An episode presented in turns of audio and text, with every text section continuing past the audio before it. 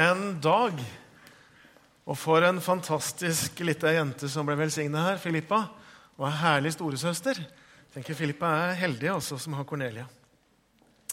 Det er jo faktisk en stund siden jeg og Jannicke blei foreldre. Vi har barn på 14, 18, nei, 14, 18 og 19 år. Men jeg husker veldig godt hvordan den tiden var. Den derre tiden, ventetiden, når man gleda seg til å bli foreldre. Og så magen vokse og vite at det lå et lite mirakel inni der. Og så etter hvert så kunne man kjenne at det sparka, og jeg kunne legge hånden på magen og kjenne at det, det, var noe der som bevegde seg og rørte seg. Og så var det en veldig både glede og en veldig spenning, og særlig med førstemann. Så husker jeg vi var så spent på at alt skulle gå bra, og hvordan det skulle bli. og, og alt det der.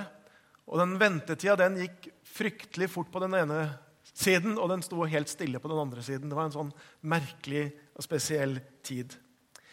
Eh, vi hadde jo ni måneder på å eh, forberede oss.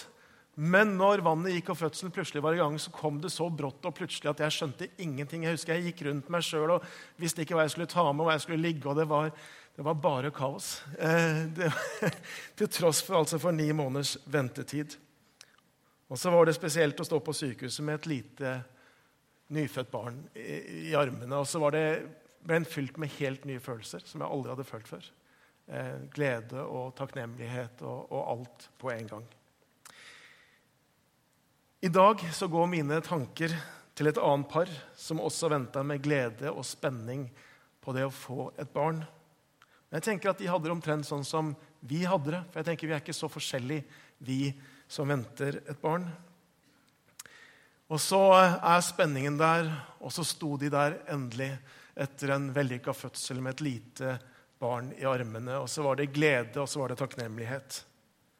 Og så går det noen dager, det går noen uker, og så merker de, disse foreldrene, at det er som man ser dem, men ikke ser dem allikevel.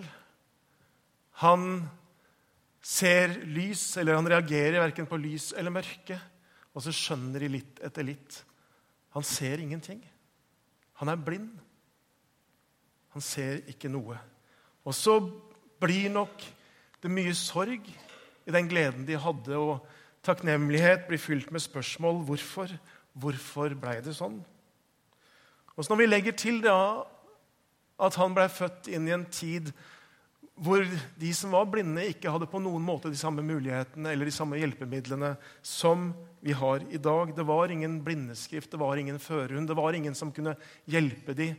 Og De var på en måte dømt til et liv i avhengighet, avhengighet av familien som tok hånd om dem. De var dømt til å ikke kunne jobbe, men å sitte og tigge.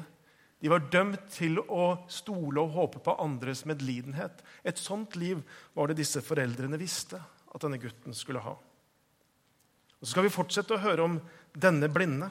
Så skal vi lese fra Johannes evangeliet kapittel 9 og fra vers 1. Vi skal lese dette, Denne beretningen går over hele kapittelet. Og Så skal vi lese litt av de første versene og så skal vi lese noen av de siste. Vi starter fra Johannes evangeliet kapittel 9, fra vers 1. Da Jesus kom gående, så han en mann som var født blind. Disiplene spurte da, 'Rabbi, hvem er det som har syndet, han selv eller hans foreldre, siden han ble født blind?' Jesus svarte, 'Verken han eller hans foreldre har synda.' Men nå kan Guds gjerning bli åpenbaret på ham. Så lenge det er dag, må vi gjøre hans gjerninger som har sendt meg. Det kommer en natt da ingen kan arbeide. Så lenge jeg er i verden, er jeg verdens lys. Da han hadde sagt dette, spyttet han på jorden, lagde en leire med spyttet og smurte den på mannens øyne. Så sa han, 'Gå og vask deg i Siloadammen.' Siloa betyr utsendt. Mannen gikk dit og vasket seg og kom tilbake senere. Og Så hopper vi over en del vers, og så starter vi opp igjen og leser fra vers 35 i kapittel 9. Jesus fikk høre at, hadde, at de hadde kastet ham ut. Og da han møtte ham, spurte ham, 'Tror du på menneskesønn?' Han svarte, 'Hvem er han da, gode Herre, så jeg kan tro på ham?' Jesus svarte, 'Du har sett ham, det er han som snakker med deg.' 'Jeg tror, Herre', sa mannen, og han tilba ham. Og så skal vi be at Herren åpenbare ordet for oss. Himmelske Far, jeg takker deg for ditt ord, som er levende og som er virkekraftig, og som vi har midt iblant oss, Jesus. Og så ber jeg at du skal ta ordet ditt, og så skal du la det bli liv i våre liv, Herre. Og så skal du tale inn til oss hva dette ordet betyr for oss i dag. I ditt navn ber vi. Amen. Vi fortsetter som sagt serien om mennesker som møtte Jesus fra Johannes evangeliet, og som gjennom dette møtet fikk livet sitt totalt forvandla. Og Vi har hatt en rekke mennesker, og i dag skal vi også snakke om han som var født blind, og som fikk møte Jesus, og som fikk synet tilbake, og som også fikk lov til å se hvem Jesus var og er. Og så har jeg lyst til å understreke at den Jesus Kristus som vi leser om her, han er den samme i går og i dag til evig tid, sier Bibelen. Han er her når vi er samla i hans navn. Så har han midt iblant oss. Så når vi snakker om at mennesket møtte Jesus den gang da, så betyr også det at vi som er her i dag, vi kan møte Jesus. Der vi kjenner at vi er i våre liv. Vi kan møte Jesus i formiddag. Og Derfor kan vi sitte forventningsfulle og åpne til nettopp det, at han kan møte oss.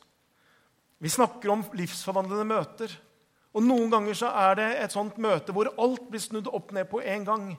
Men noen ganger så er også det en prosess som Jan Olav var litt inne på. Og vi må ha mange sånne møter. Og Legg merke til at denne mannen han møtte Jesus to ganger på samme dag. Den ene gangen fikk han lov til å få synet tilbake, det fysiske synet tilbake, så han så. Og den andre gangen så fikk han lov til å åpne sine åndelige øyne, sitt hjertets øye, så han fikk se hvem Jesus var. Og så ble livet hans forvandla. Og så tror jeg faktisk at det siste møtet var viktigere enn det første. Selv om det har en sammenheng. Bibelen sier det sånn, og vi som, er, som er uten, vi som uten slør for ansiktet ser Herrens herlighet som i et speil, vi blir forvandlet til dette bildet fra herlighet til herlighet. Dette skjer ved Den hellige ånd. Så når vi ser Jesus igjen og igjen, så skjer det en prosess i oss. Og så forvandles vi til det samme bildet. Og så er det Guds ånd som gjør det. Vi møter Jesus og disiplene i Jerusalem. Siloadammen den ligger sør i Jerusalem, i, den, i gamlebyen. og Du kan fortsatt besøke denne dammen i dag. og Antageligvis så var disiplene og Jesus i nærheten av denne, denne eh, dammen og sør i byen. Og Så starter teksten rett og slett sånn. Det står da Jesus kom gående, så han en mann som var født blind. Jeg bare lyst til å stanse opp ved dette. Så han. For når vi leser evangeliene og beretningen om Jesus, så forstår vi at Jesus er en sånn en som ser. Igjen og igjen og igjen så vil du møte det når du ser hvordan Jesus møtte mennesker. At det står at han så. Vi snakka litt tidligere i vinter om Jesu møte med Nathanael. Der står det også at Jesus så Nathanael og henvender seg til ham. Om den rike unge mannen som du kan lese om i Lukas' evangelium, så står det at Jesus så han og fikk han kjær. Og når Jesus kaller disipler, så står det tror jeg hver gang så står det at Jesus så Peter og kalte han til disippel. Følg meg. Det står at Jesus så dem og kalte dem til å bli disipler. Jesus er en som ser. Han ser mennesker omkring seg. Han legger merke til folk. Han er opptatt med å få blikkontakt med mennesker. Slik er Jesus. Og selv når Jesus henger på korset, og smerten må ha vært enorm Jeg tenker Det må ha vært grusomt. Kanskje blinda på mange måter av smerte. Så står det likevel at han ser sin mor og den disippelen han har kjær, stå der ved korset. Og så henvender han seg til dem, og så har han omsorg for dem der ved korset. Jesus ser. Så tenker jeg det er ingen tilfeldighet at Jesus i denne teksten her ser den blinde. Ser han som ikke kunne se.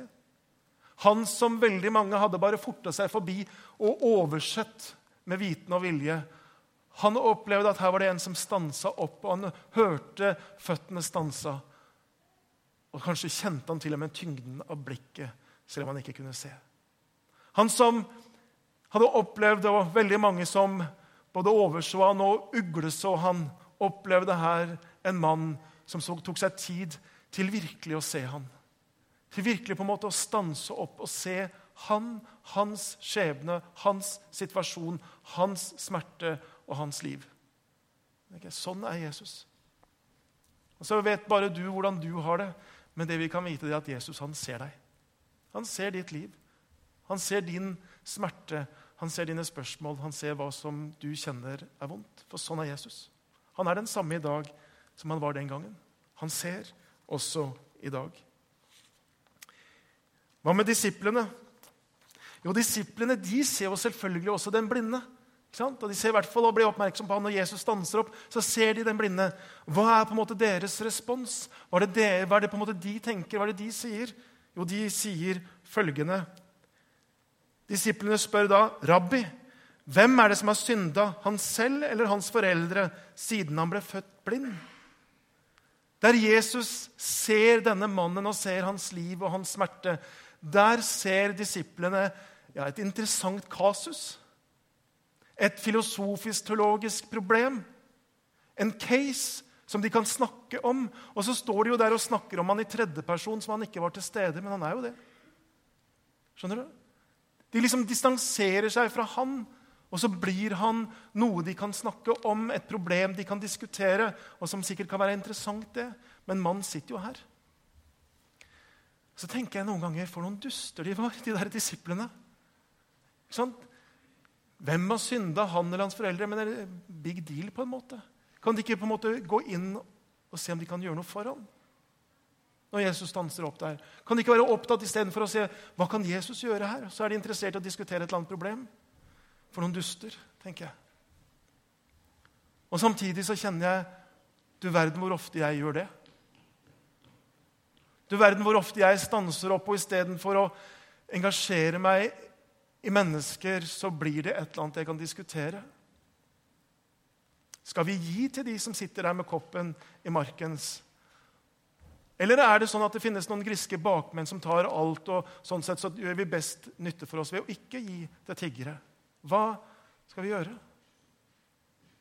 Er det sånn at vi skal ta inn så mange flyktninger, eller er det bedre å hjelpe de der de er i nærheten av der de kommer fra? Eller hva skal vi gjøre? Så blir det på en måte teoretiske diskusjoner, og så glemmer vi at det handler om henne og han, og det handler om den smerten og de barna og den familien. Det er så lett å diskutere og Det er så lett at det også blir på en måte vårt forsvar kanskje, for å gå inn og hjelpe mennesker. Sånn som disiplene gjorde. Det er jo ikke galt å stille spørsmål, tenker jeg. Men de spørsmålene våre kan også bli en måte å holde mennesker og situasjoner på en god armlengdes avstand. Og behandle dem som problemer, som kasus, som case, istedenfor å gå inn og hjelpe. Hva er det Jesus sier da til disiplene? Hva er Jesus' respons her? Jeg syns det er veldig interessant. For det Jesus gjør, er at han svarer på selve spørsmålet de stiller. Han sier verken han eller hans foreldre har synda. Men nå kan Guds gjerning bli åpenbart på ham. Og så skal vi komme litt tilbake til det seinere. Så det på en måte, Jesus møter de på det spørsmålet, men Jesus utfordrer de også på noe annet. For Jesus sier følgende Han på en måte går inn og irettesetter de på mange måter i forhold til det at de distanserer seg med sitt spørsmål. For han sier så lenge det er dag, må vi gjøre hans gjerning, han som har sendt meg. Jeg syns det er veldig interessant. Så lenge det er dag, må ikke bare Jesus gjøre hans gjerning, men vi. Han inkluderer disiplene den gangen, og så tenker jeg, han inkluderer også oss i dag. Han sier så lenge det er dag, så må vi og du og jeg gjøre hans gjerning, han som har sendt meg, han som har sendt Jesus Kristus. For Gud han gjør sin gjerning i vår verden. Gud holder på med noe omkring oss. Gud er engasjert i menneskene som vi møter. Og så er invitasjonen vi må bli med på det som Gud gjør. Vi må engasjere oss i det som han gjør, i hans gjerning. Og så sier han så lenge det er dag. Så lenge det er dag. Det er som om Jesus sier vet du hva? Kutt ut snikksnakket. Kutt ut teoretiseringen. Kutt ut på en måte alle disse spørsmålene. Og så gjør noe med mennesker omkring deg. Engasjer deg i livene. La deg bli berørt av de menneskene som du møter, og berør dem med Guds kjærlighet. Det er som Jesus tar disiplene sine litt sånn i, i nakken og rister det litt, og så sier han, vet du hva, ikke hold folk på en armlengdes avstand, men ta de inn til deg, berør de, kom nær. Og så tenker jeg Det er utfordringen til oss òg. For det er så lett å la det bli en case og et problem og et teologisk eller teoretisk greie som vi skal diskutere. Vi må gjøre hans gjerning. Vi må gjøre hans gjerning. Vi inviteres inn til det, til å gjøre og engasjere oss i det Gud gjør i familien vår, på jobben vår, i nabolaget vårt, i menigheten vår, i lokalsamfunnene, i byen vår. Gud inviterer oss til å være med i det han gjør der, for han er på ferde. Han gjør sin gjerning rundt oss. Og Hva betyr det? Ja, det betyr kanskje å vise noen omsorg og strekke ut en hånd til noen som trenger det. Å vise Guds kjærlighet i praksis. Jeg hørte om akkurat om en som hadde måka bare oppkjørselen til en av naboene sine når det var to meter snø. Og, og de opplevde at det var et håndslag fra Gud. Det går an å gjøre noe sånt. Det går an å gi noen et oppmuntrende ord på en eller annen måte. Å være gjest for å invitere hjem. Det går an å inkludere noen nye. Det er så mange måter vi kan vise Guds kjærlighet i praksis på. Og Istedenfor å diskutere og teoretisere så kan vi faktisk gjøre noe, engasjere oss i noe. Ja, Hva skal vi gjøre i forhold til romfolket? Ja, Noe vi kan gjøre, det er jo faktisk å være med i det prosjektet som bl.a. denne menigheten er med i i Kalarasi. Og vi ønsker å være med og se at en landsby med veldig mange romfolk reiser seg på mange måter. Eh, og på mange ulike måter så kan vi engasjere oss i det. Det er mulig å gjøre. Istedenfor å diskutere bistand og hjelper det eller hjelper det ikke, så går det faktisk an å engasjere seg i bistandsprosjekt som vi i denne menigheten støtter flere av i Colombia altså, og i Romania. Og så er det sikkert, sikkert sånn at vi klarer ikke å forandre samfunnet det vil fortsatt produsere mange fattige barn og mange barn som har det vondt. Men vi kan gjøre noe for den enkelte. Vi kan gjøre noe for de 100 barna som er på Esperanza skolefritidsordning. Vi kan gjøre noe for de 30 barna som er på Jakobs hus til rehabilitering. Vi kan gjøre noe for barn som får matutdeling i Romania. Vi kan gjøre noe. Og Istedenfor å diskutere hjelper norsk bistand eller hjelper det ikke, så kan vi gjøre noe for disse. Jeg tror det er det Jesus ønsker å vise oss noe gjennom, gjennom nettopp denne teksten her. Det går an å ta med en, sånn som Marius gjorde når han tok med Rolf Henrik. Det går an å engasjere seg på loftet som leder, sånn som Rolf Henrik og flere med han gjør. Og virkelig bety noe for de ungdommene som er der. For det er noe av det Gud gjør i dag. Det går an å engasjere seg på så mange områder. Og Istedenfor å distansere seg, stille spørsmål, lure på hjelper det det hele tatt, så går det an å gjøre noe. Jeg tror Jesus utfordrer oss til det i dag. Jesus sier så lenge det er dag, må vi gjøre det. Hans verk, hans gjerning. For det kommer en natt der ingen kan arbeide. Og jeg tenker, Vi har et tidsvindu. Vi har et tidsvindu som heter i dag. Og i dette tidsvinduet så kan vi faktisk gjøre noe. Og så kommer det en natt på en eller annen måte, og da kan ingen jobbe. Da er det på en måte for sent. Men i dag så har vi dette tidsvinduet. 8. februar 2015 så har vi dette tidsvinduet. Så vet vi ikke noe om morgendagen, men vi vet at vi kan gjøre noe i dag. Dette tidsvinduet. Og så, tenker så er det en tekst. Og Jeg hadde lest den mange ganger, men hadde ikke sett akkurat dette poenget her. Men jeg tenker, det er en tekst som har utfordra meg veldig den, de siste par ukene. For Utfordringen blir jo da hvordan bruker jeg det tidsvinduet som Gud gir meg? Hvordan kan jeg engasjere meg i det som er Guds gjerning i dag? Og Det tenker jeg, det utfordringen vil jeg gjerne utfordre deg på. Denne dagen her. Det tidsvinduet som Gud har gitt deg, som vi kjenner til. Hvordan bruker du det? Jesus sier et sted, 'Søk først Guds rike og hans rettferdighet', så skal dere få alt det andre i tillegg. Alt det andre er jo ikke gærent, det. Det er ikke galt, det. Men det blir galt hvis det kun blir alt det andre som får plass i vårt tidsvindu. Og så blir det som har med det Gud gjør i verden i dag, hans gjerning, Guds rike, hans rettferdighet og Det blir på en måte det som, som forsvinner som kommer nederst, som kommer utenfor vårt tidsvindu. Vi har et tidsvindu. Og hvordan bruker vi det? Men Jesus han svarer egentlig også på det spørsmålet som disiplene stiller. Hvem har synda? Er det han selv eller foreldrene siden han ble født blind? så gir kanskje ikke Jesus hele svaret, men han, han gir noe av svaret. Han avviser nemlig at det finnes en direkte kobling mellom denne guttens blindhet og at foreldrene eller gutten selv skulle gjort noe galt. Han avviser en sånn kobling og sier verken han eller foreldrene har gjort noe. Og så vet vi at lidelse kommer inn i verden pga. syndefallet. Men det finnes ikke en sånn kobling mellom spesifikk lidelse og spesifikk synd. Og Det er det Jesus setter gutten og foreldrene og familiene i frihet fra.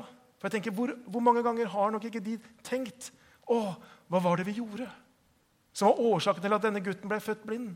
Og så synes vi det høres litt rart ut, men på denne tiden så var det god rabbinsk lære at var det en som var født blind, så var det enten foreldrene gutten som hadde gjort en synd. Så kan du spørre hvordan kunne gutten synde inn i mors liv. Og Det hadde de noen fiffige forklaringer på. Men det var sånn de tenkte. Det var god rabbinsk lære på denne tiden her. Og så bryter Jesus med den koblingen og sier det er ikke sånn. Og så tenker jeg Han kan også sette oss i frihet. Og Selv om vi kanskje tenker at på egentlig vet at det er ingen sånn kobling, så hender det at vi sitter der og så rammer det noe oss i livet eller noen vi har kjær, og så tenker jeg, du verden, hva har han gjort for å fortjene det? Og så begynner vi å leite etter årsak og virkning. At det er et eller annet der som, har, som på en måte har skjedd. Og Jesus bryter det. Så har vi en hel bok i Bibelen, Jobbs bok, som egentlig handler om det samme. og ta et oppgjør med det. Nei, Det var ikke sånn at Jobb hadde gjort noe spesielt stor synd. Det var ikke det det handla om. Og så er det en god bok også å lese. Jesus setter de fri fra den koblingen og de tvangstankene. Disiplene stiller Jesus et hvorfor-spørsmål som Jesus ikke svarer så godt på, men han gjør noe annet. Han peker fram mot noe. Han sier at det finnes ikke en sånn årsak-virkning, men han sier det som har skjedd, at denne gutten er blind, det kan vi måte, det kan bidra til å åpenbare Guds kraft, åpenbare Guds gjerning på denne sønnen. Det er som han sier, Om det ikke det var noen mening, så kan det bli en mening. Og Det er jo det Bibelen sier om mye av lidelsen. Ikke nødvendigvis, eller Det er ingen mening, sånn sett, men det kan bli en mening ut av det. Sånn som det står i Romerbrevet 8. Vi vet at alle ting kan tjene til det gode for den som elsker Gud. Alle ting kan tjene til det gode for den som elsker Gud. Og Det er underlig mange ganger å høre folk kan vitne om det, om lidelse og sykdom og det ene, og så sier de men vet du hva, gjennom det så opplevde jeg dette. Og så tenker jeg at jeg ville ikke vært det foruten. Det har vært mange sånne vitnesbyrd. Nettopp fordi at Gud kan gjøre en mening ut av det som er meningsløst. Per Arne Dahl han skriver følgende i en bok. Han sier Gud kan gi det meningsløse mening. Ut av det håpløse kan det fokse fram noe håpfullt når Gud griper inn. Når vi går til Gud med våre lidelser tar han, og tar hans garanti for at han gjennom det kan formidle noe som tjener til vårt beste. Det meningsløse kan få en mening når vi lar Gud komme inn. Og jeg tenker Det var det som skjedde med den blindfødte. Det var en meningsløs lidelse. Men i det øyeblikket han møtte Jesus, og Jesus fikk lov til å komme inn i hans liv, inn i hans lidelse, så ble det en mening med det. Guds gjerning ble åpenbart på ham. Han forsto hvem Messias var, og det ble et sterkt vitnesbyrd for naboer og de som står rundt. og Det kan vi lese om også i dette kapitlet. Det ble en mening med det. Bibelteksten forteller jo hvordan Jesus helbreder denne mannen. Og Det er jo på en litt sånn bisarr måte, kanskje. Det er i hvert fall spesielt også for Jesus å gjøre. For det som det står, det er at Jesus han spytter på jorden. Skal ikke jeg gjøre det her, så ikke vær redd. Men han gjør det. Og så bruker han jord og spytt, og så lager han en deig, og så smører han det på denne blinde mannens øyne. Og så sier han til denne blinde mannen han sier, nå sier han, nå skal du gå til Siloadammen, og så skal du vaske deg der. Og så tenker jeg, Hvorfor gjør Jesus det der? Kunne han ikke bare sagt 'bli seende'? Han kunne det. sant? Han kunne det. Han har gjort det andre ganger. ikke sant? Reis deg og gå, og så, så var mannen helbreda. Hvorfor gjør Jesus det? Så har ikke jeg kanskje alle svarene på det, men noe av det handler kanskje om at han er ute også etter å finne en resonanse av tro hos denne mannen. Det er et eller annet som kobler på det som Jesus vil gjøre. Og Denne mannen får på mange måter et valg. Han kunne på en måte Fortsatt å være der på gatehjørnet med tiggerkopp og blindestokk. Han kunne fortsatt ha sittet der, men Jesus utfordrer han til å gå og vaske seg i Silodammen. På et eller annet sted der så må denne mannen ta et valg. Han må vurdere risiko. Hva er det det betyr at jeg går? Hva kan skje? Ja, det kunne jo skjedd at, han, at ingenting skjedde. Og så ble han kanskje gjort til latter, eller folk hadde snakka om måte det som ble så mislykka, og han trodde på det, og så var han lurt. og så alt det der. Han kalkulerte en eller annen risiko. Men muligheten var jo det at han kunne bli helbreda. Hva ville du ha gjort? Hva ville du gitt råd til denne mannen? Og så tenker vi selvfølgelig må du gå og vaske deg i Silodammen. Du har jo ingenting å tape på det. Jeg mener Om noen smiler litt at du var lettlurt, hva så? Da tenker jeg noen ganger Når vi sitter der og kjenner at Jesus setter oss på valg, og kanskje inviterer oss til å gå et skritt ut av det trygge og det vante, ut av rekka, på en måte, og så kalkulerer vi skal, skal ikke, hva risikerer jeg? Ja, kanskje jeg ikke opplever noe ja, kanskje Og så videre. Og så blir vi sittende, kanskje. Så tenker jeg, Hva har vi å tape? Ingenting. Hva er mulighetene? Ja, Ved å merke Guds kraft i vårt liv. At vi kan oppleve å bli helbreda, eller at det blir satt i frihet, eller at vi får merke at han er nær på en spesiell måte. Hva har vi å tape på det? Men mange ganger så blir vi sittende. Denne blinde han gikk til Silodammen. Han vaska seg, og det han vasker og tar vann i ansiktet, og jord og spytt forsvinner, ja, så kan han åpne øyelokkene sine, og så, blir, så ser han lyset for første gang. Og så ser han farger, og så ser han omgivelser og mennesker og natur og ting som han bare har hørt. Plutselig så ser han det. Han har aldri sett det før. Han kan se. Han kan se. Det var det som skjedde. Han vågde seg ut av det trygge og komfortsonen sin, ut av det litt sånn der han pleide å sitte. Vaska seg, så var det det han fikk lov til å oppleve. Den kristne kirke har aldri gjort spytt og jord til et sakrament. Det er heller ikke sånn at, og det er kanskje like greit Det er heller ikke sånn at vi tenker at Silodammen har spesiell helbredende virkning. Det går an å sikkert ta en dukkert der fortsatt i dag, men, men, det er ikke noe sånn spesielt. Vi valfarter ikke dit. Men det som den kristne kirke alltid har gjort, det er å be for syke.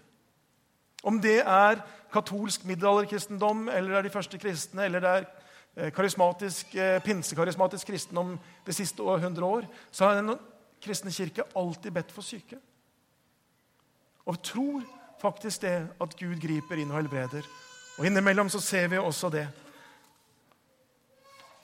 Så er det sånn at ja, vi tenker ja, men det er så sjelden vi hører om det, og det er sjelden vi ser, og, i hvert fall her i Norge osv. Og, og så tenker la ikke det hindre oss i å være frimodige, både å be for syke og det å søke forbønn. Jeg har lyst til å fortelle om en, en god venn. Han fikk kreft på et av de indre organene for en del år siden. Han ble behandla flere ganger på sykehuset. Men kreften var veldig aggressiv, og den kom tilbake. og Hver gang han var inne og på en måte fikk fjerna det, så kom det tilbake veldig fort. Og så Etter en kontroll så ble det bestemt at nå ser vi ikke noen annen mulighet enn å fjerne dette organet. Og Det betydde lavere livskvalitet for han, det betydde varig men resten av livet. Og Han hadde noen tøffe dager og måtte nå ta noen valg i forhold til det. Og Så kommer han inn og de skal, samme dagen som de skal gjøre denne inngrepet, denne operasjonen. Eh, og så For å gjøre en lang historie kort så står de der når de skal operere han rett før de skal operere han, så, så tar de et nytt bilde.